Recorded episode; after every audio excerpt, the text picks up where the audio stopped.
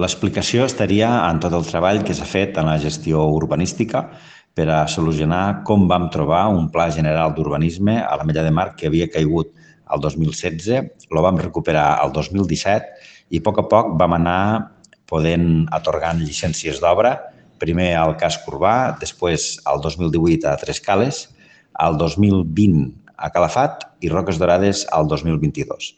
Ara estem treballant en solucionar Sant Jordi Bosch i tenim pla parcial de Tres Cales segona fase de la zona del mar, més l'ampliació del polígon industrial amb 26 hectàrees més realitzant-se.